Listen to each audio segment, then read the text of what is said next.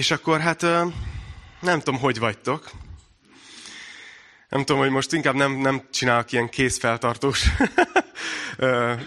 kérdést, de remélem, hogy Isten fel fogja emelni a lelkünket, így a mai nap folyamán. Úgyhogy készítsétek azért elő a Bibliátokat, legyetek szívesek. És ugye úgy volt, az volt a terv, hogy ma reggel a korintusi levéllel megyünk tovább, és én tartottam magam, tudjátok, amikor megérkeztek az első hírek itt csütörtökön, hogy orosz, orosz katonaság megtámadta Ukrajnát, akkor így bennem volt, hogy hú, lehet, hogy valami mást kéne tanítani.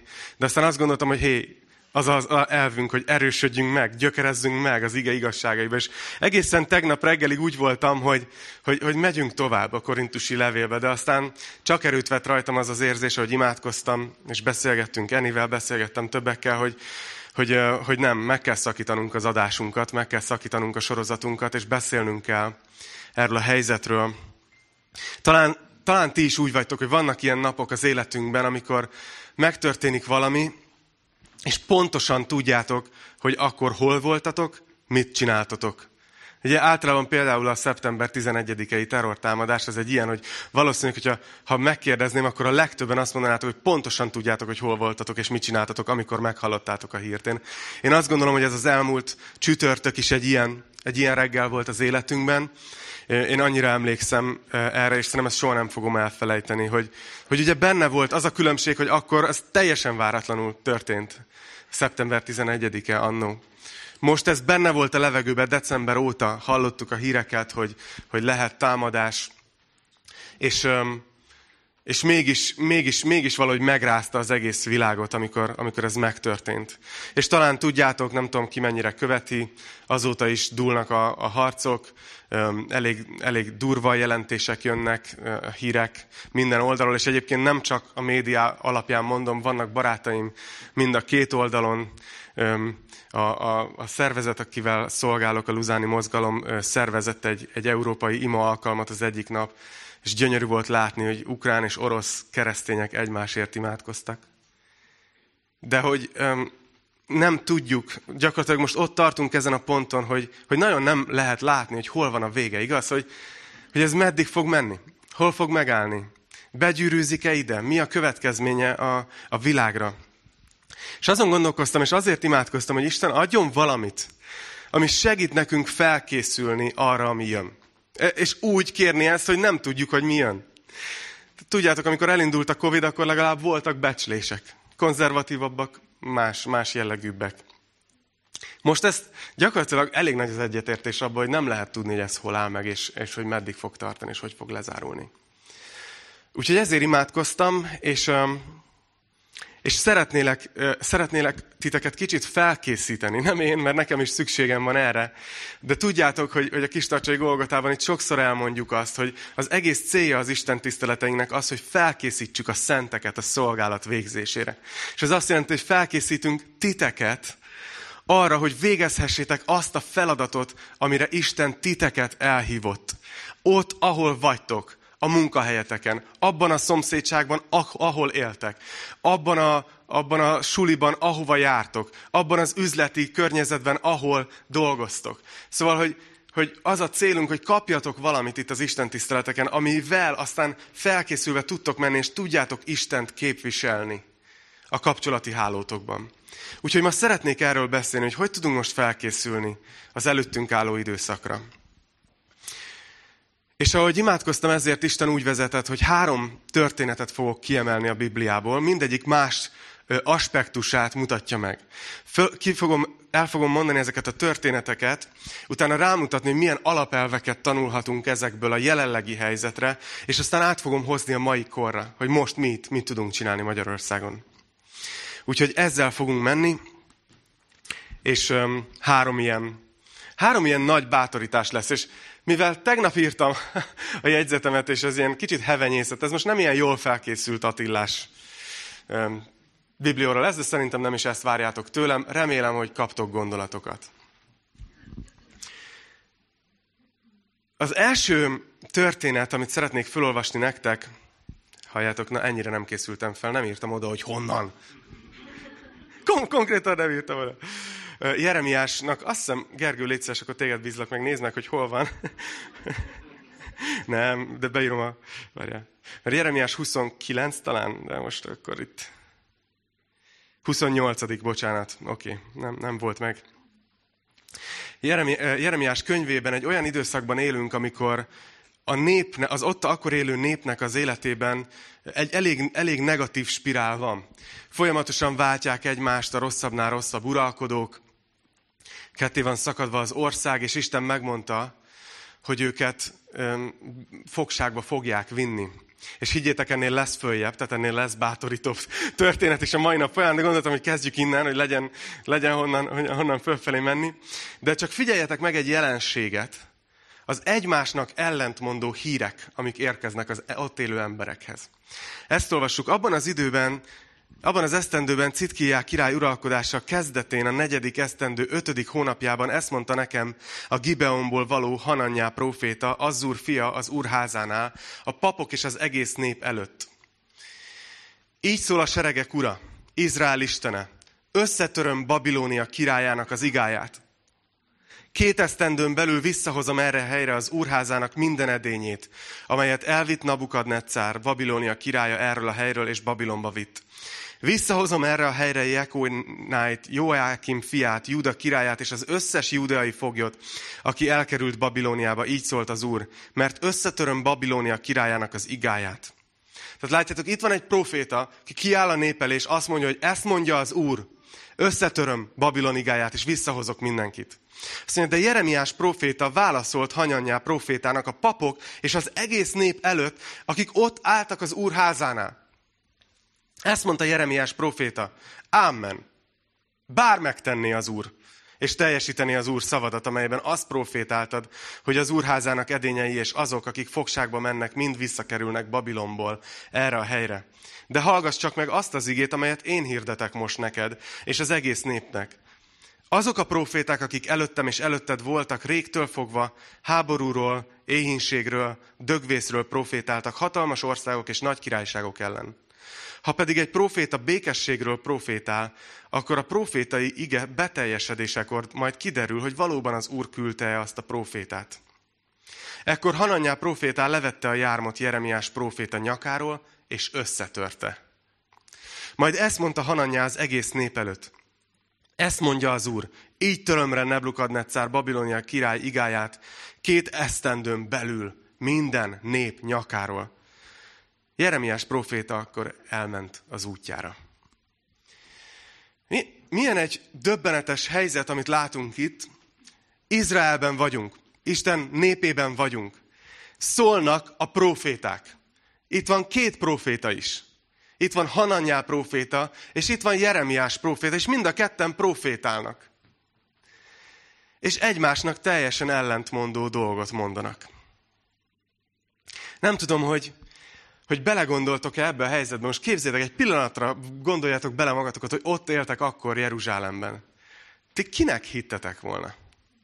Annak, aki azt mondja, hogy így szól az Úr, összetöröm az Babilon igáját, és még egy ilyen látványos műsorelem is van hozzá, hogy oda megy és Jeremiásról letöri. Tehát egy igazi performance van. Mutatja, hogy ez fogja tenni, és két éven belül letöri az Úr. Vagy annak, aki jön és azt mondja, hogy nem. Ez, ez 70 évig fog tartani ez a fogság. Jeremiás ugye erről profétál. Más részekben is. Kinek hittél volna őszintén? Ki? Azért szerintem, ha megfigyelitek, valószínűleg azért volt táptalaja ennek a jelenségnek, hogy, hogy volt hamis profécia, és egyébként az ottani nép Hananyának hit, és a király is Hananyának hit. És valószínűleg pont azért, mert valami van bennünk emberi, ilyen, ilyen optimizmus velünk született, hogy nagyon reméljük, hogy azért a legjobbat, nagyon reméljük a legjobbat. És ezzel nincsen semmi baj. De azért nagyon elgondolkoztató, igaz, hogy szerintem azért is gondolta akkor ezt a nép, mert valahogy nem volt benne a pakliban, hogy az dolgok alakulhatnak rosszabbul is. Nem volt benne a pakliban, hogy jöhet egy nehéz időszak. Azért beszélek erről, mert, és ez az első bátorításom, ez az ige alapján nektek, hogy valahogy ebben az időszakban szerintem a leges legfontosabb Nem, ez nem is a leges legfontosabb, de az egyik legfontosabb, hogy valahogy őrizzük meg Jézus tanítványaiként, keresztényként a józan gondolkozásunkat. Valahogy a hideg fejünket. Alapvetően egy érzelmek által vezérelt ö, típus vagyunk a teremtett világban mi emberek. Ugye valahol hajlamosak vagyunk úgy döntést hozni, beszélgettem emberekkel, hogy hát remélem, hogy nem lesz belőle semmi. De most az az időszak van, amikor racionálisnak is kell lennünk. Ez nem azt jelenti, hogy negatívnak, de racionálisnak, és meg kell őriznünk a józanságunkat, és, és több, dolg, több területen is szeretnélek most erre bíztatni titeket. Egyrészt azt látjuk ebben a, a katonai konfliktusban, ami zajlik, hogy ez mielőtt egyetlen fegyver is eldördült volna, mielőtt egyetlen tank is megmozdult volna és átmozgott volna más helyre, egy óriási hírháború kezdődött el. Egy olyan típusú dezinformációs tevékenység, ami arról szól, hogy, hogy embereknek, akik bizonyos típusú médiumokat hallgatnak és néznek bizonyos országokban, egy teljesen más képük van most ebben a pillanatban arról, hogy mi a valóság, mint a világ másik részének. És mi, nem arról van szó, hogy, hogy itt rossz emberek ülnek, itt jó emberek ülnek, hanem mindenki szeretné az igazságot, de ami információ elér hozzá, az nagyon más. És ezért őszintén nagyon más valóságot lát. És tudjátok, nem csak szándékos félrevezetés történik most, hanem van egy nagyon, ezt látjátok talán az elmúlt időszakban, hogy eleve olyan a társadalmunk most, és nem csak Magyarországon, hanem globálisan. És figyeljetek, semmit, amit ma mondok, ez nem politizálás részemről. De látjuk azt, hogy egy olyan média környezetben élünk, hogy mindenkinek beszűkül a, az, hogy mit fogyaszt, mit olvas, mit néz, honnan szerzi be az információit, és nincs kiegyensúlyozott tájékoztatás most kb. a világon. Mindannyian beleesünk ebbe, hogy valamelyik oldal ér el hozzánk inkább. És tudjátok, az már nagyon sokat tud segíteni, hogyha, hogyha egyszerűen ezt tudjátok. Ha egyszerűen nem hisztek el mindent, amit olvastok ha egyszerűen nem hisztek el mindent, amit mondanak. És nem, nem egy ilyen általános, ö, ilyen, nem tudom, tehát csavarjatok alufóliát a fejetekre, és kezdjetek el senkinek se hinni. Nem erről beszélek, szerintem értitek. Csak hogy legyen egy egészséges józanság bennünk ebben a következő időszakban. Ezzel nagyon sokat segíthetünk egy olyan helyzetben, ahol mindenki hisz, és mindenki beszél erről az egész helyzetről. De hagy bátorítsalak titeket kifejezetten keresztényként is ez a történet alapján. Ugye itt Jeremiás és Hananyá is hadakoznak egymással, hogy most akkor kinek van igaza, kinek nem. És el tudom képzelni, hogy ennek volt lelki komponense. Volt vallásos ö, lencse a szemük előtt. Valószínűleg, aki Hananyának hitt, aki azt mondja, hogy két éves vége, és semmi gond, Isten, Isten jön és megment minket, azok lehet, hogy azt mondták, hogy hát nézzétek meg az Ószövetséget, hány alkalommal jött az Úr, és csodálatosan megszabadított, és, és most ne tenné, és tudjátok, ott volt mellé a lelki csomagolás. Vagy nem is csomagolás, a hit. A hit. És ott voltak mások, akik azt mondták, igen, de Jeremiás már sokszor profétált, bejött, ami mond, őről a keresztül szól most az Úr, és ezt mondja, és látjuk, hogy ez meg volt profétálva, más proféták is mondták, muszáj hinnünk neki. Látjátok, hogy megjelent ott is, és azt hiszem, hogy ez most itt 2022-ben a legkeletibb NATO országban is. Így van. Figyeljétek meg, hogy keresztényként beleeshetünk két végletbe. Ugye két típusú ember van, ezt szerintem hallottátok már. Az egyik, aki kategóriákra osztja az embereket, a másik, aki nem. Majd, meg, majd, meg, majd leesik. De tényleg, azt hiszem, hogy keresztények hajlamosak beleesni túlzott pessimizmusba, mindezt hitből. Figyeljétek meg! Látni fogjátok, hallani fogjátok azokat a véleményeket, YouTube videókat, akik azt mondják, hogy figyeljetek, itt a vége, tudjátok, itt vannak a proféciák, itt vannak a proféciák, itt vannak a proféciák, lehúzhatjuk a redőnyt, itt az utolsó idők. És, és nagyon vigyázzatok ezzel. Nem azért, mert nem lehet benne igazság. De Jézus azt mondja Máté 24.6-ban, hogy fogtok hallani háborúkról, és hallotok háborús híreket. És nézzétek, azt mondja, hogy vigyázzatok, ne rémüljetek meg, mert ennek meg kell lennie. De ez még nem a vég. Tehát, hogy látjátok, kell, hogy felvértezzük magunkat még a vallásos palástban fellépő túlzott pessimizmussal szemben, mert, mert Jézus megmondta, hogy ez még sajnos a normál ügymenet része, amit látunk. Ez még a mindennapok része. De van a másik véglet, a túlzott optimizmus, szintén vallásos köntösben, szintén hitből. Ugye a Covid elején ezt gyakorlatban láttunk. Voltak ilyen proféták akkor is, akik azt mondták, hogy pú, az úr elfújja a Covidot. Hát jó, jól elfújta. Tehát végül is csak három évvel van lassan velünk. Tehát, hogy, tehát, hogy azt akarom mondani, hogy legyetek, tehát fejlesztetek ki magatokban egy ilyen, egy ilyen kiegyensúlyozott józanságot, egy valamilyen szenten hideg fej, fejet, mert nagyon nagy szükségetek lesz rá a következő napokban, hetekben. És tudjátok, lesznek, akik azt, tehát hogy eleve nem is kell a Covid-ig menni. Azt gondoltuk, nem, hogy két, amikor hallottuk, hogy lehet, hogy lesz támadás, hogy azért 2022-re csak civilizált lett elég az emberiség, hogy nem, nem nyomom meg a gombot, ami kilő más embereket. Ö, ö. Sajnos nem. Sajnos de, megnyomják a gombot. És ezért a túlzott optimizmus sem lehet most a milyen kedves testvérek. Az van, hogy szembe kell néznünk azzal, hogy itt most bármi jöhet a következő napokban. Én úgy látom személyesen, nagyon remélem, hogy nem ez lesz, de itt elég egyetlen rosszul irányzott lövedék, egyetlen félreértett jelzés, egyetlen válaszreakció, és lángba borulhat a világ. És most nem azért mondom ezt, hogy, hogy beparáztassalak titeket, de nem fogok zsákba macskát mondani, ezt látom. És ugyanakkor nagyon fontos, hogy Jézus erről is beszélt. Erről is beszélt, és ezt hagy mutassam meg nektek. Azt mondta a János 14.1-ben a tanítványainak, hogy ne nyugtalankodjék a ti szívetek. Higgyetek Istenben, és higgyetek én bennem. És ott, ott három fejezeten át Jézus a, a, a félelmek között élő tanítványainak beszél. Közvetlenül az a nap előtt, amikor ő keresztre ment. És bátorítja őket, önti beléjük a lelket. És ez a vers az eleje annak a három fejezetnek. Hogy ne nyugtalankodjék a ti szívetek. Higgyetek Istenben, higgyetek én bennem. És azt gondolnád, hogy akkor most három fejezeten arról fog beszélni, hogy a hívő embert nem érheti baj, hogy mindent elkerülünk, minden rendben lesz. De a három fejezetnek az utolsó verse, János 16.33, ezt mondja Jézus, hogy ezen a világon nyomorúságotok van. De bízzatok, mert én legyőztem a világot. Szóval, hogy arra bátorítalak titeket, hogy most ebben a helyzetben valahogy nagyon figyeljetek az érzelmeitekre. És most ne engedjétek, hogy az érzelmeitek vezessenek titeket. Nagyon figyeljetek, hogy hogy tájékozódtok, és ne engedjétek, hogy csak egyféle forrás tájékoztasson titeket. Vigyázzatok a szívetekre, és tudjátok, hogy ez a normál ügymenet része. Ne legyünk hurrá optimisták, de közben oda teszi Jézus, hogy bízzatok. Én legyőztem a világot. Hogy nem lehet úgy élni ebben a helyzetben, hogy nem nyugtalankodik a szíved. Ez milyen jó lenne, nem?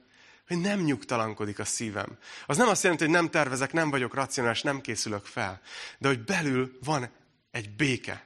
Ezért neveztem úgy ezt a tanítást, hogy háború és béke. Mert keresztényként nekünk nem az a felállás, hogy háború vagy béke, hanem mi meg tudjuk élni azt, hogy háború és béke. És adja az Úr, hogy ezt megéljük.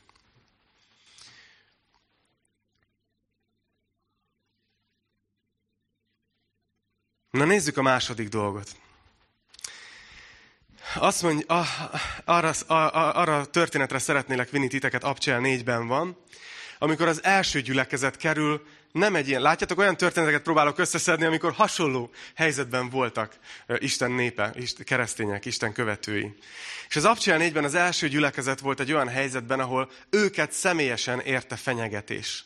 Tehát őket személyesen fenyegette az, hogy, hogy kegyetlenkednek irántuk. Pétert és János börtönbe vetették, ugye a vezető embereket akkor közöttük, és aztán elengedik őket, de nagy fenyegetések közepete. És ők visszajönnek a gyülekezethez, és elmesélik ezt az összes fenyegető dolgot. Amit látnak, ami történt velük, és amit mondtak nekik, hogy mi fenyegeti őket. Nem tudom, hogy érzitek-e, hogy hasonlít a helyzet. Hogy mi is most tudnánk mondani, mi fenyeget itt. És visszajönnek, és nem is erről akarok beszélni, hanem, hanem az, hogy a gyülekezet hogy reagál, és spoiler, 10 másodperces spoiler, imádkozni fognak, így reagálnak. De a fontosabb, hogy miért imádkoznak, hogyan imádkoznak. Azt mondja az Abcsán egy 24-ben, hogy amikor ezt meghallották, tehát Péter és János beszámoláját a fenyegetésekről, egy szívvel és egy lélekkel kiáltottak Istenhez, és így szóltak. Urunk, te teremtetted az eget és a földet, és mindent, ami bennük van, a tengert és mindent, ami bennük van.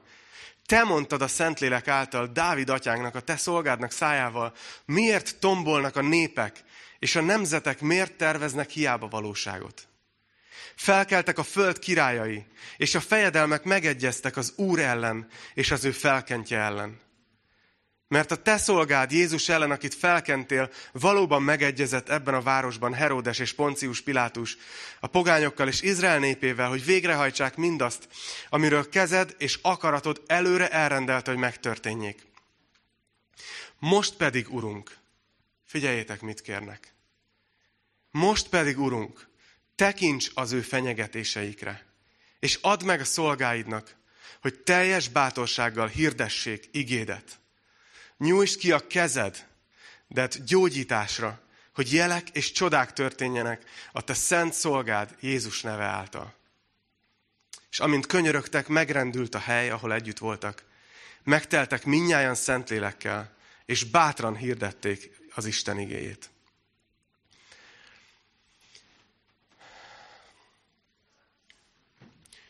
Az a durva nekem ebben, hogy hogy mennyire tudott imádkozni az első gyülekezet. És nem fogom részletesen kielemezni, de csak most képzeljétek el, hogy, hogy ha, ha nem gondolkozol azon, hogy hogy imádkozz ebben a helyzetben, vagy gyülekezetként hogy imádkozzuk, mi lenne, a kér, mi lenne az első kérdés, kérésünk? Hogy Uram, állítsd meg! Tudod, hallottam olyan keresztényt, aki azt mondta, hogy nem lehetne, hogy ezzel a Putyinnal valami történjen. Tehát, hogy, itt, tehát, hogy ez, a, ez az emberi, ez a zsigeri reakció. És annyira tetszik nekem, hogy az első gyülekezet, nézzétek, úgy imádkozik, hogy először is azt mondják, hogy Urunk, te teremtetted a mennyet és a földet és a tengert, és mindent, ami benne van. Valahogy emlékeztetik magukat arra, hogy mekkora az Istenük. Így kezdik az imádságot. Hogy Urunk, te nagyon nagy vagy. És utána azt mondják, hogy, hogy hát ez, ami most történik, ezt megmondta a te igéd, Dávid szája által. És levezetik, hogy ami itt történt ebben a városban, igazából azt mondják, hogy hogy Urunk, nem vagyunk meglepődve. És tudjuk, hogy te sem vagy, mert kezedbe tartod a történelmet. És ezután is, amikor kérést fogalmaznak meg, azt csak ezután teszik, és a kérésük, amit megfogalmaznak, az gyakorlatilag számomra így, ú, amikor ezt így eszembe juttatta, hiszem, hogy a Szentlélek, ahogy készültem, így leesett az állam. Nem azt kérik, hogy Uram, add, hogy minket ne érjen ez a fenyegetés. Nem azt kérik, hogy Urunk, állítsd meg a, a, a, azokat a vezetőket, akik ezeket a döntéseket hozzák. Nem azt kérik, hogy hú, még hogyha nagy lesz is a gáz, legalább mi és a családjaink ússzuk meg. Hanem azt mondják, hogy add meg a te szolgáidnak, hogy teljes bátorsággal hirdessük az igédet. A fókuszuk nem saját magukon van, ami a természetes lenne, hiszen most fenyegették meg őket, hanem a fókuszuk azon van, hogy még rengeteg ember van, akinek találkoznia kell Istennel, akinek hallania kell az evangéliumot. És az a kér, ők nem felejtik el, hogy attól, hogy bejött egy fenyegetés, a küldetés nem változott. Még mindig küldetésbe vagyunk, még mindig azért vagyunk itt a Földön, hogy hirdessük az evangéliumot. Hogy Istent képviseljük az emberek előtt, akiknek talán most nagyobb szükségük van rá, mint, mint előtte. Vagy jobban felismerik a szükségüket. És ez az ima kérésük. Engem ledöbbentett. Hogy add meg, hogy teljes bátorsággal szóljuk, és hogy jelek és csodák, és szoktam ezt az igét, igét idézni, amikor imádkozunk együtt, hogy legyenek jelek és csodák a te szolgád a Jézus neve által. És amikor, szinte úgy érzem, amikor azt mondja, hogy ott együtt voltak, és így megrendült a hely, ahol voltak. Mint hogyha Isten egy ilyen ez a, ez a gigantikus, haptikus feedback, akik tudjátok telefonon, vagy játszotok, tudjátok, hogy néha visszajelez a, a telefonod, amikor így vette az adást. Tehát, hát Isten a helyet megrendítette. Igen, ez egy jó kérés volt. És megadta nekik. És ezért arra szeretnélek titeket így bátorítani, hogy imádkozzunk. Mostanában minden katasztrófánál kiírják, imádkozzunk ezért, imádkozzunk azért. Nem hívők, hívők, minden országban, sok nyelven látjátok ezeket a posztokat a social médián. És uh, talán láttátok egy páran, hogy posztoltam a csütörtök reggel a, a social médián én is egy ilyet, hogy igen, imádkozzunk. De hogyan? És ott írtam néhány gondolatot erről. Mert néha úgy tűnhet, hogy az imádság az csak egy ilyen fotelből végzett aktivitás, tudod, aktivizmus, hogy innen nagyon meg tudom mondani, de oda nem mennék segíteni. De higgyétek el, hogy ez nem azt jelenti, hogy csak imádkozunk, de muszáj ebben a helyzetben imádkoznunk, és ez egy nagyon stratégiai dolog Isten kezébe. És nagyon, nagyon hatékony dolog. Ahogy itt láttuk, az első gyülekezetnek is ez volt. És azt hiszem, hogy azt tanuljuk meg, hogy mi is imádkozzunk így. Hogy nem vagyunk meglepve azon, ami történt. Nem lepődtünk meg, hogy jó, jé, hát ezt nem gondoltam volna. Hanem tudjuk, hogy Isten továbbra is a történelem ura. És utána imádkozzunk azért, hogy ne felejtsük el, hogy küldetésbe vagyunk. De néhány dolgot, ha esetleg valaki nem látta volna, szeretnék felhozni abból is, amit írtam a, a Facebookon. Hogy egyrészt imádkozhatunk azért a vezetők szívéért is. Pálapostól bátorít erre minket. Azt mondja az 1 Timóteus 2, 1, 2-ben, hogy azért kérlek titeket mindenek előtt, kérlek mindenek előtt, hogy tartsatok könyörgéseket, imádságokat, esedezéseket és hálaadásokat minden emberért, a királyokért és minden fejebb valóért, hogy nyugodt és csendet életet, csendes életet élhessünk teljes Istenfélelemben és tisztességben. Hogy látjátok, van ennek is helye, hogy imádkozunk vezetőkért, politikai döntéshozókért. Azért, mert emberek nem tudják megváltoztatni egymást. De Isten meg tudja. És Isten szabad akaratot adott az embernek. És tudjátok, egy kicsit beleeshetünk ebbe is, nem tudom, hogy érzitek-e ezt. Ben voltam szerda este a Golgotában, a Pestiben, központiban, és ott imádkoztunk együtt az ukrajnai helyzetért. Szerda este még ugye csak hírek voltak, hogy esetleg lehet valami. És aztán másnap így fölébredek, tudod, fölébredek, és mi az első? Persze. Nézem, hogy mi van, és megtámadták. És így, így fölmerült bennem, hogy így miért? Tehát, hogy akkor ér valamit? Hogy, hogy imádkozunk, meg ima alkalmak, meg online ima alkalmak, meg ima láncok. De figyeljetek, ér. És azt hiszem, hogy lesznek olyan dolgok, amit, amit Isten majd a mennyben mutat meg nekünk. Hogy mi lett volna, ha nem imádkoztunk volna egy adott helyzetben. De az is igaz, hogy az embereknek is szabad akaratot adott, a politikai döntéshozóknak is szabad akaratot adott, és az ember nagyon kreatív abban, hogy hogy nyomja el az isteni hangot, és hogy hogy keményítse meg a szívét az isteni munka előtt. És, nagyon, és van az a pont, amikor nem jut el e, Isten munkája az ember szívéhez már. De ettől nekünk nem kell feladni imádkoznunk kell azért, hogy, hogy az ő szívük változzon. Imádkoznunk kell a gyászolókért, az árvákért, az özvegyekért, és mindenkiért, aki bármilyen lelki sebet hordoz, vagy kap, akár ezekben a, durva kimondani, ezekben a másodpercekben is. Egy-egy ilyen konfliktusnak tudjátok, soha nem ér ott véget, hogy levonulnak a hadseregek. Az igazi kár az utána van talán ti is tudjátok, nektek is vannak nagyszüleitek ebben az országban, azért tudjuk, hogy mit jelent az, hogy én nem tudom, hogy mi, mit jelent az, hogy van háború, nem éltem abban az időszakban, de, de nagyszüleim éltek. És hogy egy, egy nemzetnek a lelkén évtizedekre lenyomatot hagy egy-egy ilyen dolog.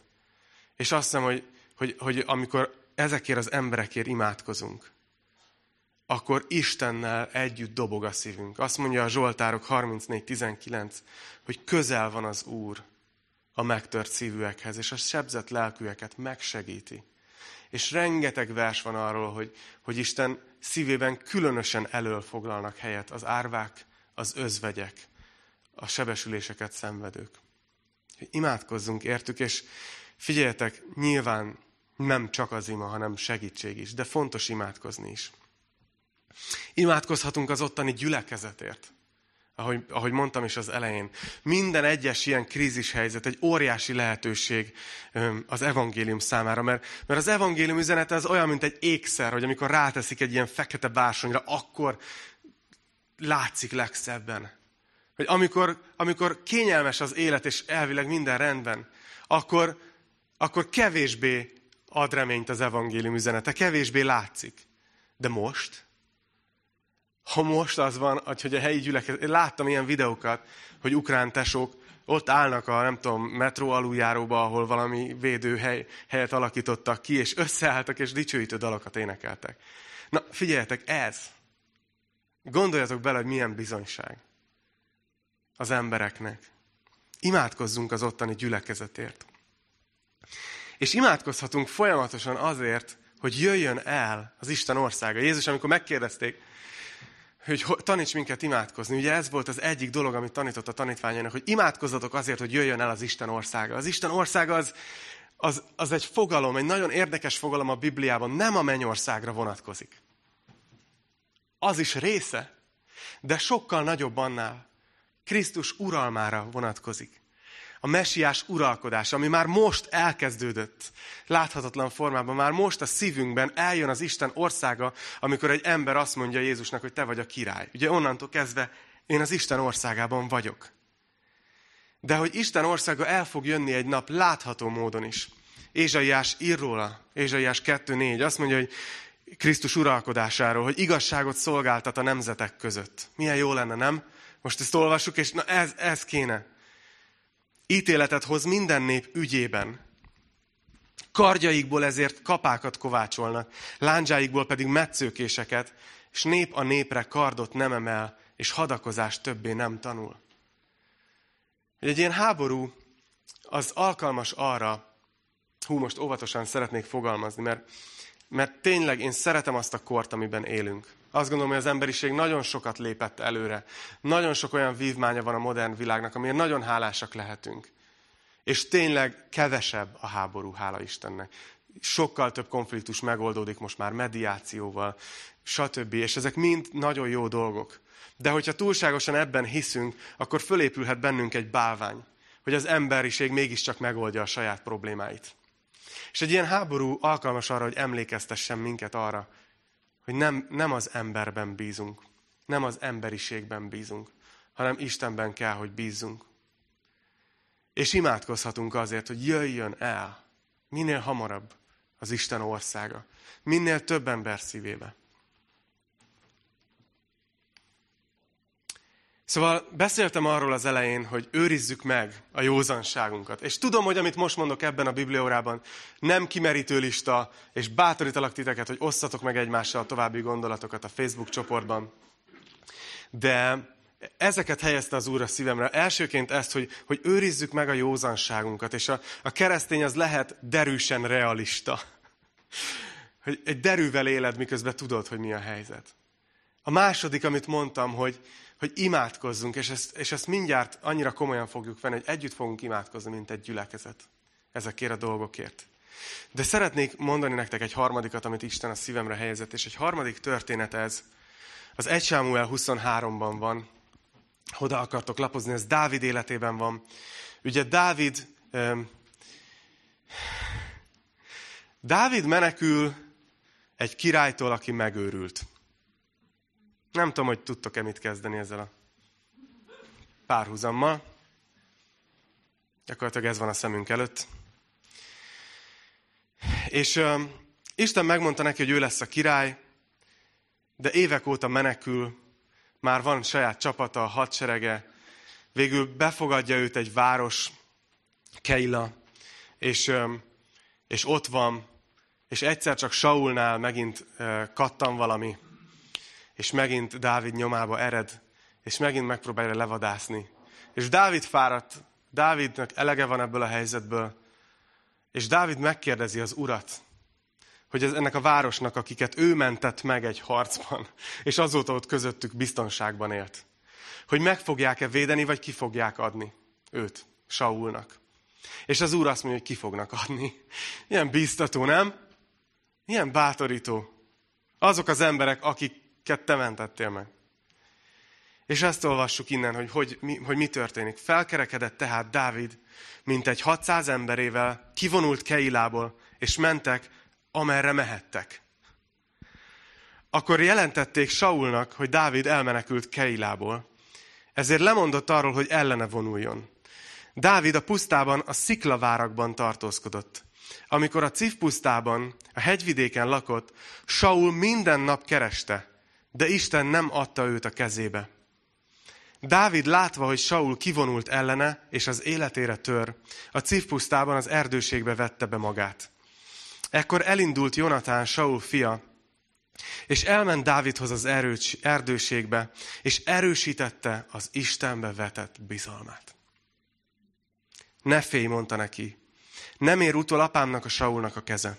Te leszel Izrael királya, én pedig a második ember leszek melletted. Apám Saul is tudja, hogy ez így lesz. És szövetséget kötöttek egymással az úr színe előtt. Dávid az erő, erdőségben maradt, Jonatán pedig hazament. Az a mondat, amit nagyon elkapta a szívemet, az az, amikor itt azt mondja a 16. versben, hogy, hogy itt van Dávid ebben a helyzetben, és Jonatán, Saul fia, aki Dávidnak a barátja volt, oda megy hozzá, alkalmat talál. Pedig valószínűleg ez nem volt veszélytelen, tudod, elmondani a hadseregnek, hogy ő most miért megy személyesen Dávidhoz, és ha már azt az hogy nem találta meg, vagy érted, miért nem végez vele? Tehát ez egy Jonatán áldozatot vállal, hogy találkozhasson a barátjával, aki maga alatt van, de nagyon. Jonatán megy, és ez a mondat, hogy erősítette az Istenbe vetett bizalmát. A másik fordítás, a régebbi fordítás azt hozza, hogy megerősítette a kezét az Úrban. Hogy kicsit az a kép van előttem, hogy mintha Dávid alól a talaj, az most, most csúszott ki, végleg, megint, újra. De Jonatán ad a kezébe valamit, amiben kapaszkodhat. Azt mondja, megerősítette a kezét az Úrban. És hogy azt gondolom, hogy ez itt most egy fantasztikus küldetés, és nem azt mondom, hogy könnyű lesz. De hiszem, nagyon erősen itt van a lelkemben, érzem, hogy Isten arra hív most minket, hogy tudjátok, ez itt tényleg a felkészülés helye vasárnap. Holnaptól ti mentek és beszélgettek kollégákkal, osztálytársakkal, szomszédokkal, családtagokkal. És most van az az idő, amikor azt hiszem, hogy Isten hív minket, hogy Jonatánok legyünk. Hogy erősítsük meg az emberek bizalmát Istenben. Nem ebben, nem abban, nem politikai erőben, nem nem abban, hogy majd reméljük, hogy jól alakul, hanem hogy Istenben bízzanak. És azért mondom, hogy nem lesz könnyű, mert nagyon sok embernek a zsigeri reakciója egy ilyen helyen, egy ilyen helyzetben az az, hogy de hát Isten hogy engedheti ezt, ami történik? Miért nem állítja meg? És persze ehhez vissza kéne menni az elejére, hogy bocs, de egy ponton az ember azt mondta Istennek, hogy nem kérünk ebből a fajta szerepvállalásodból. Köszi, majd mi intézzük a, az életünket. És Isten azt mondta, hogy oké, okay, akkor legyen meg a ti akaratotok. És most Istent felelősségre vonni azért, hogy valaki kontrollt vesztett, és háborúba viszi a világot, ez minimum nem korrekt. De mégis ez van az emberek fejébe. És ezért imádkozni fogok értetek egész héten, hogy Isten adjon nektek szellemi kreativitást, hogy hogy tudjátok erősíteni az emberek bizalmát Istenben. Hogy tudjátok megerősíteni a kezüket az Úrban. És lehet, hogy valakinek ez az lesz, hogy most már rendezd a, a, az életedet az örökkévalóval. Hogy itt az ideje, hogy térj meg. Eddig halogattad, nem voltál biztos, nem tudtad eldönteni, kérdéseid voltak, de, látod, hogy milyen hamar változnak a világban az események. Ma van a megtérés napja, nem holnap. Lehet, hogy valakit abba kell vezetnünk, hogy az Úrhoz találjon, és hogy eldöntse végre, hogy őt követi. Lehet, hogy keresztények egymás között felelősek vagyunk azért, hogy hogy erősítjük egymást. Hogy paráztatjuk be egymást, és osztjuk meg azokat a híreszteléseket, amik negatív spirálba visznek minket, vagy erősítjük. És megint mondom, nem hurrá optimizmus. Reálisan, de azt mondani, hogy Isten attól még, még mindig a kezében tartja ezt, és a te életedet is. És velünk van bármi jön. Megerősíteni. És lehet, hogy valakinek azzal erősítjük meg a bizalmát Istenben, és a kezét az Úrban, hogy gyakorlati segítséget adunk. És annyira örülök, és akkor így mondom is nektek, hogy, hogy a, a Golgotának az egyik, egyik szolgálata kelet-európai misszió, abban a pillanatban volt kb. a határon, amikor elkezdődött a háború. És most meg össze is fogtak a Pünkösdi egyházzal és a Golgota egyházzal, és, és teljesen így létrehoztak egy, egy teljesen jól működő programot, és napi szinten fogjuk kapni a híreket, hogy mire van szükség a határnál. Már most mondták, hogy mire nincs szükség, ki induljon, ki ne induljon el. Annyira jó látni, van egy csoport, enivel így nem győztünk lelkendezni tegnap este. Van, van rengeteg ilyen Facebook csoport, van egy, ami segítségnyújtás, ez a címe Ukrajnán, és rengetegen olyan jó emberek élnek ebbe az országba, hogy az valami ledöbbentő. Ez az ország tele van, tele van jó szívű emberekkel és annyira jól szervezetten megy a segítségnyújtás, és emberek ilyeneket írnak, hogy nyugdíjas vagyok, nem vagyok gazdag, pici lakásom van, de, de, de talán egy-két ember be tudok fogadni a házamba. És bátorítalak titeket, hogy mi is vegyük ki ebből a részünket vegyük ki a részünket, és nem, nem kell valami központi szervezésre várni, hogy, hogy majd itt közösen gyűjtsünk, és most megmondom nektek, hogy most megtaláljátok, akár az én Facebook oldalamon, akár a Golgota Budapesten, onnan osztottam át, golgotabudapest.hu per Ukrajna, ott van a bankszámlaszám, azonnal tudtok segíteni, vegyük ki a részünket abból, hogy megerősítsük emberek hitét, bizalmát az Úrban. Ilyen gyakorlati módon is.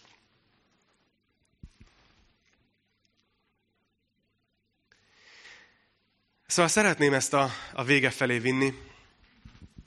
Ezt a három gondolatot szerettem volna így, így kiemelni nektek. Csak visszatérnék az elejére. Tudom, hogy különböző vérmérsékletűek vagyunk. Valaki már most teljes stresszben van, valaki még most is áldott naivitásban, hogy hát csak nem lesz itt semmi. Nem tudjuk. Őszintén nem tudjuk. De de ez nagyon is valóságosnak tűnik, és látjátok, több történetben is láttuk ezt. Hogy keresztényként lehet egy békességünk, és lehet egy nyugalmunk a külső körülmények ellenére. És most hirtelen olyan furcsának tűnik, nem, hogy egy-két hete arról beszéltünk, hogy igen, ha konfliktusod van a munkatársaddal, meg ha, meg ha, meg ha nem úgy jönnek össze a terveid, hogy szeretnél, és hirtelen más, más szintre lép a, a gondolkozásunk. De ilyenkor is lehet. És hagyj olvassam fel nektek még egyszer ezt a verset. Azt mondja ugye János 14.1-ben, ne nyugtalankodjék a ti szívetek. Higgyetek Istenben, ez a gyógyszer. Ez a módszer, hogy hogy tudsz nem nyugtalankodni. Azt mondja, higgyetek Istenben, és higgyetek én bennem. És azt mondja a 16.33, ezeket azért mondom nektek, hogy békességetek legyen én bennem. A világon nyomorúságotok van, de bízzatok. Én legyőztem a világot. Lehetséges az em, lehetséges az, hogy egyszerre legyen háború és béke. És annyira érdekes, hogy Jézus itt elmondja ezt a mondatot, hogy a világon nyomorúságotok van, nem árul zsákba macskát, lesznek nehézségek, ezt mondja. De előtte azt mondja, hogy ezeket én azért mondom nektek, hogy békességetek legyen én bennem. Hogy Jézus nem olyan módon adja a békességet, hogy elkenni, hogy nem lesz itt semmi, nyugodjatok meg hanem azt mondja, hogy békességetek legyen, hol? Én bennem. A mi békességünk az csak Krisztusban tud lenni. Eddig is. Most ebből egy nagyon nagy gyakorlati kiképzést fogunk kapni következő napokban. És van még egy igevers, amit szeretnék felolvasni nektek. Azt mondja, hogy az emberektől, példabeszédek 29.5, az emberektől való rettegés csapdába ejt. De aki az Úrban bízik, az oltalmat talál. Gyönyörű nekem ez a vers. Mert azt mondja, aki az, emberek, az emberektől való rettegés, az csapdába ejt. Azt mondja, hogy az, amikor te félsz attól, hogy ki, hogy dönt, mi lesz, hogy lesz, és emberektől félsz, az egy csapda. Mert a lelkedet elkapja, és nem tud kiszabadulni ebből a, ebből a dologból. Ezt jelenti, hogy csapda. De azt mondja, hogy aki viszont az Úrban bízik, az oltalmat talál. Nem azt mondja, hogy aki az Úrban bízik, azzal nem lesz semmi nehézsége. De hogy valahogy valami csodálatos módon oltalmat talál az, aki az Úrban bízik. Úgyhogy szeretnélek bátorítani titeket ezekkel a gondolatokkal. Remélem, hogy, remélem, hogy tudta, tudtak, tudtam szolgálni felétek ma reggel az igéből. És most pedig, ahogy mondtam az elején, ez nem egy ilyen normál, szokásos menetrendű istentisztelet, hanem nagyon nagy szükségét érzem annak, hogy imádkozzunk együtt. És szeretném elmondani, hogy ez hogy fog történni, és délpestiek nektek mondom, hogy, hogy majd látjátok, hogy ti ezen a részen is velünk tartotok, vagy ti most meghallgatjátok az instrukciókat, és ugyanezt folytatjátok ott helyben, akár egymás felé fordulva, vagy más módon. De a következőt szeretnénk tenni. Szeretném megkérni Rubent, hogy gyertek, gyertek ki. És nem szoktunk ilyet csinálni, szerintem soha nem csináltunk még itt a kis tartsai Golgotában ilyet, hogy akik baptista háttérből jönnek, nektek ismerős lesz az imaórákról, hogy most nem az lesz, hogy én imádkozok itt hangosan, vagy valaki, és, és mindenki más csak így bekapcsolódik a helyéről, hanem azt szeretném, hogyha többen imádkoznátok, így a sorok közül. Nem kell kijönni, hanem oda fogom vinni a mikrofont eh, ahhoz, aki, aki úgy érzi, hogy van a szívében ima. Kérés. Az, az itt elhangzottak alapján. Vagy ahogy a Szentlélek vezet titeket. Arra kérlek, kérek majd mindenkit, hogy, hogy azért, hogy tényleg minél többen tudjanak imádkozni. Ezért Ugye, ez most nem az az alkalom, hogy negyed óráig imádkozol, hanem, hanem viszonylag próbáld meg egy-két-három percben legfeljebb maximálni, hogy mennyit imádkozol. És azt is nagyon szeretnélek kérni, hogy ez most egy nagyon érzékeny pillanat sokaknak. Lehet, hogy valakinek vannak itt rokonai, akik, akik, a, akik mondjuk Ukrajnában élnek, vagy akik Oroszországban élnek. Van, lehet, hogy vannak közöttünk, akik egyébként nemzetiség szerint is részben oroszok, részben ukránok. Kerüljük azt, hogy, hogy ítéletet mondjunk az imában. Kerüljük azt, hogy politizáljunk az imában. Jó? Hanem, hanem egyszerűen járjunk közben, ne, ne, az emberekért. Lehet imádkozni döntéshozók szívéért. Lehet imádkozni a, a, a gyászolókért, azokért, akik most traumán mennek át. Lehet imádkozni az ottani gyülekezetért. Mind a két oldalon. Ukrajnában és Oroszországban. Lehet, lehet imádkozni nagyon sok mindenért. Lehet imádkozni itt magunkért, egymásért, hogy Isten adjon nekünk teljes bátorságot, ahogy hirdessük, hogy másoknak a kezét meg tudjuk erősíteni az Istenben. Úgyhogy az lesz a módja ennek, hogy ö, meg fogom kérni a Szilvit, hogy ő kezdje el. Ö, a Rubent kértem, hogy így, így pengessenek a háttérben valamit, az sokszor segít, hogyha van egy kis zenei aláfestés az imánkhoz. És hogyha valaki befejezte az imát, kérlek, hogy ne várjatok sokat, akinek van ima a szívében, az nézzen fel rám, és tegye föl a kezét, és akkor én oda fogom vinni a mikrofont, jó? Úgyhogy most csináljuk ezt, és meglátjuk, hogy az Úr hogy vezet, hogy ennek mennyi, mennyi időt kell adnunk, és utána pedig fogunk együtt úrvacsorát venni, ugyanúgy, ahogy szoktunk.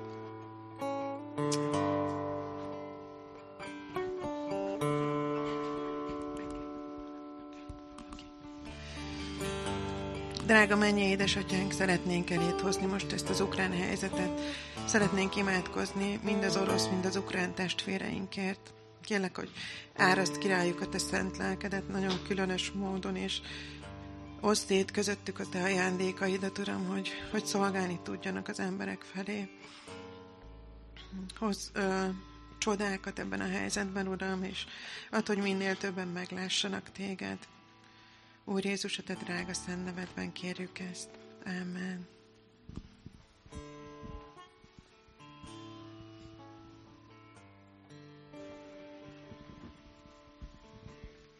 Áldunk és magasztalunk téged, Jézus. Köszönjük, hogy benned bízhatunk. Köszönjük, hogy te vagy az, aki, aki mindent teremtettél. És, és Úrunk, szeretnénk neked hálát adni, hogy, hogy az elmúlt években um, nem kellett ezt, a, ez, ezt tapasztalni, amit, amit most tapasztalunk a mindennapokban. És Uram, hát nem tudom, hogy megköszönjem el ezt a belátást, hogy, hogy vajon te mit érezhetsz, ahogy te látod ezt, hogy, hogy te embereid egymás ellen mennek akár. És Jézus szeretnénk kérni, hogy te lágyítsd a szíveinket, hogy, hogy csak egy picit hagylássuk, hogy te vajon mit érzel, amikor ránézel erre a szituációra, és amit, amit az évezredeken keresztül, vagy évtizedeken keresztül láttál akár más részein a Földnek. Urunk, tudjuk, hogy Te a rendistene vagy, és, és köszönjük, hogy, hogy Te folyamatosan a káoszból a rend felé viszel minket. Köszönjük, hogy ilyen apró megtérések vannak az életeinkben. Köszönjük, hogy, hogy fordulhatunk feléd, és köszönjük azt, hogy, hogy Te országok és, és háborúk fölött vagy. Imádkozunk, hogy, hogy Te segíts minden szintjén az életnek a káoszból egy kicsit a rend felé menni. Imádkozunk, hogy, hogy te adj nekünk érzékenységet, hogy hogyan tudunk kapcsolódni a testvéreinkhez, akár az ukrán, akár az orosz oldalon. Imádkozom, hogy indíts minket, és, és segíts nekünk megélni, hogy, hogy mit jelent a kereszténység valójában. Szeretnénk őszintén előtted állni, és, és őszintén keresni a lehetőségeket. Kérlek, Szent Szalom, hogy te vezess minket, te mutass lépéseket, és te adj bölcsességet. Benned bízunk. Te nevedben imádkoztunk. Ámen.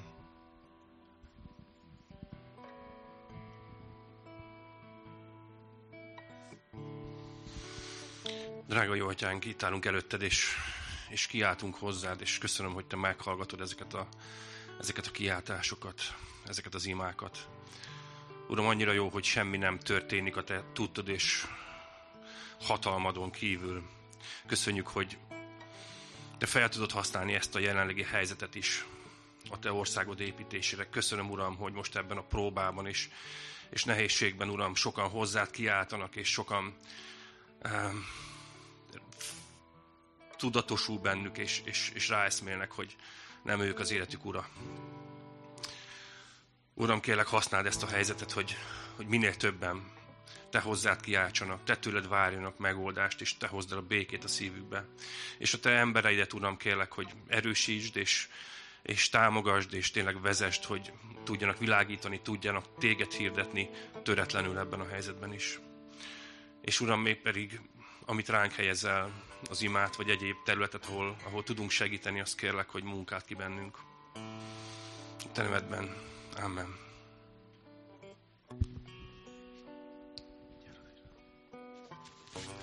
Drága mennyei atyánk, szeretnénk emlékezni arra, hogy tiéd a világ mindenség, tiéd a föld, ami a te lábod alá lett vetve, mint egy zsámoly, és tiéd az országunk, és tiéd az összes nemzet a földön. Szeretnénk emlékezni arra, hogy, hogy minden, ami a történelemben, vagy ami az életünkben elmegy, az elment előtted is, és te tisztában vagy ezekkel a dolgokkal. Szeretnénk úgy fölnézni rád, és olyan belőled meríteni, Jézus, a te áldozataidból, hogy,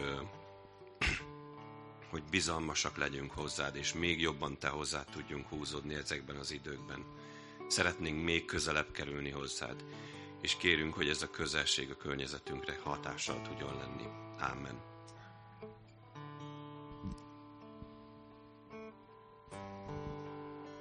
Drága Uram, hálás vagyok neked mindenért, amink van. Kérlek, hogy adj minden értelmet meghaladó békességet a te gyermekeidnek, és adj szavakat, adj bölcsességet nekünk, és adj szavakat a szánkba, hogy a környezetünkbe téged tudjunk a rólad való mm, hírt tudjuk elmondani nekik, és hogy puhítsd a szíveiket arra, hogy képesek legyenek azokat befogadni. Jézus nevében, Atyám, Amen.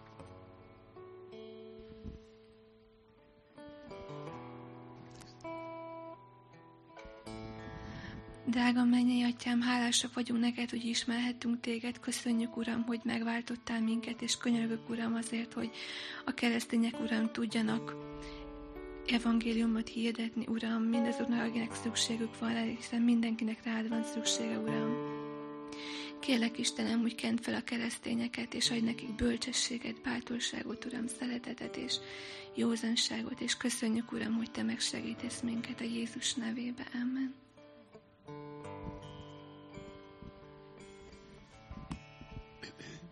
Drága örökkévaló édesatyánk, én most azokért kiáltok, azokért az édesanyákért, nagymamákért és gyermekekért, akik a férjeiket, édesapjukat hátra hagyva menekültek el, és teljes bizonytalanságban vannak, hogy mi lesz velük, és mi lesz a férjükkel, fiúkkal.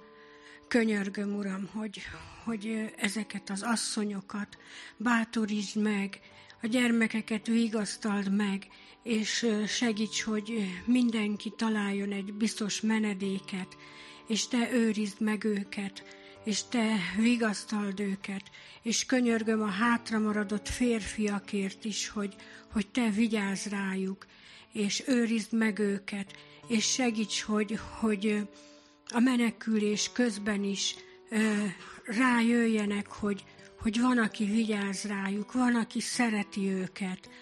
Ha Úr Jézus Krisztus, kérlek, hogy, hogy öleld magadhoz ezeket az édesanyákat, a Jézus nevében. Amen.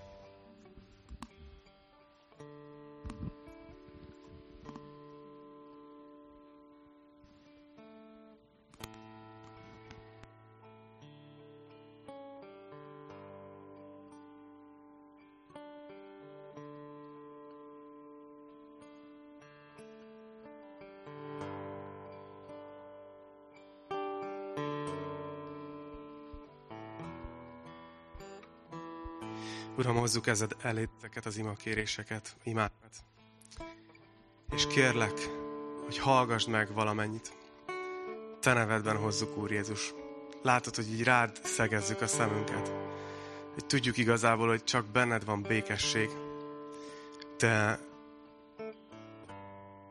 de meg kell most tanulnunk, hogy hogyan férünk hozzá ez a békességhez, amit te benned van. De kérlek, ahogy itt többen is imádkozták, hogy adj nekünk most ebből gyakorlati megtapasztalást, hogy hogyan tudunk benned békességet megtapasztalni.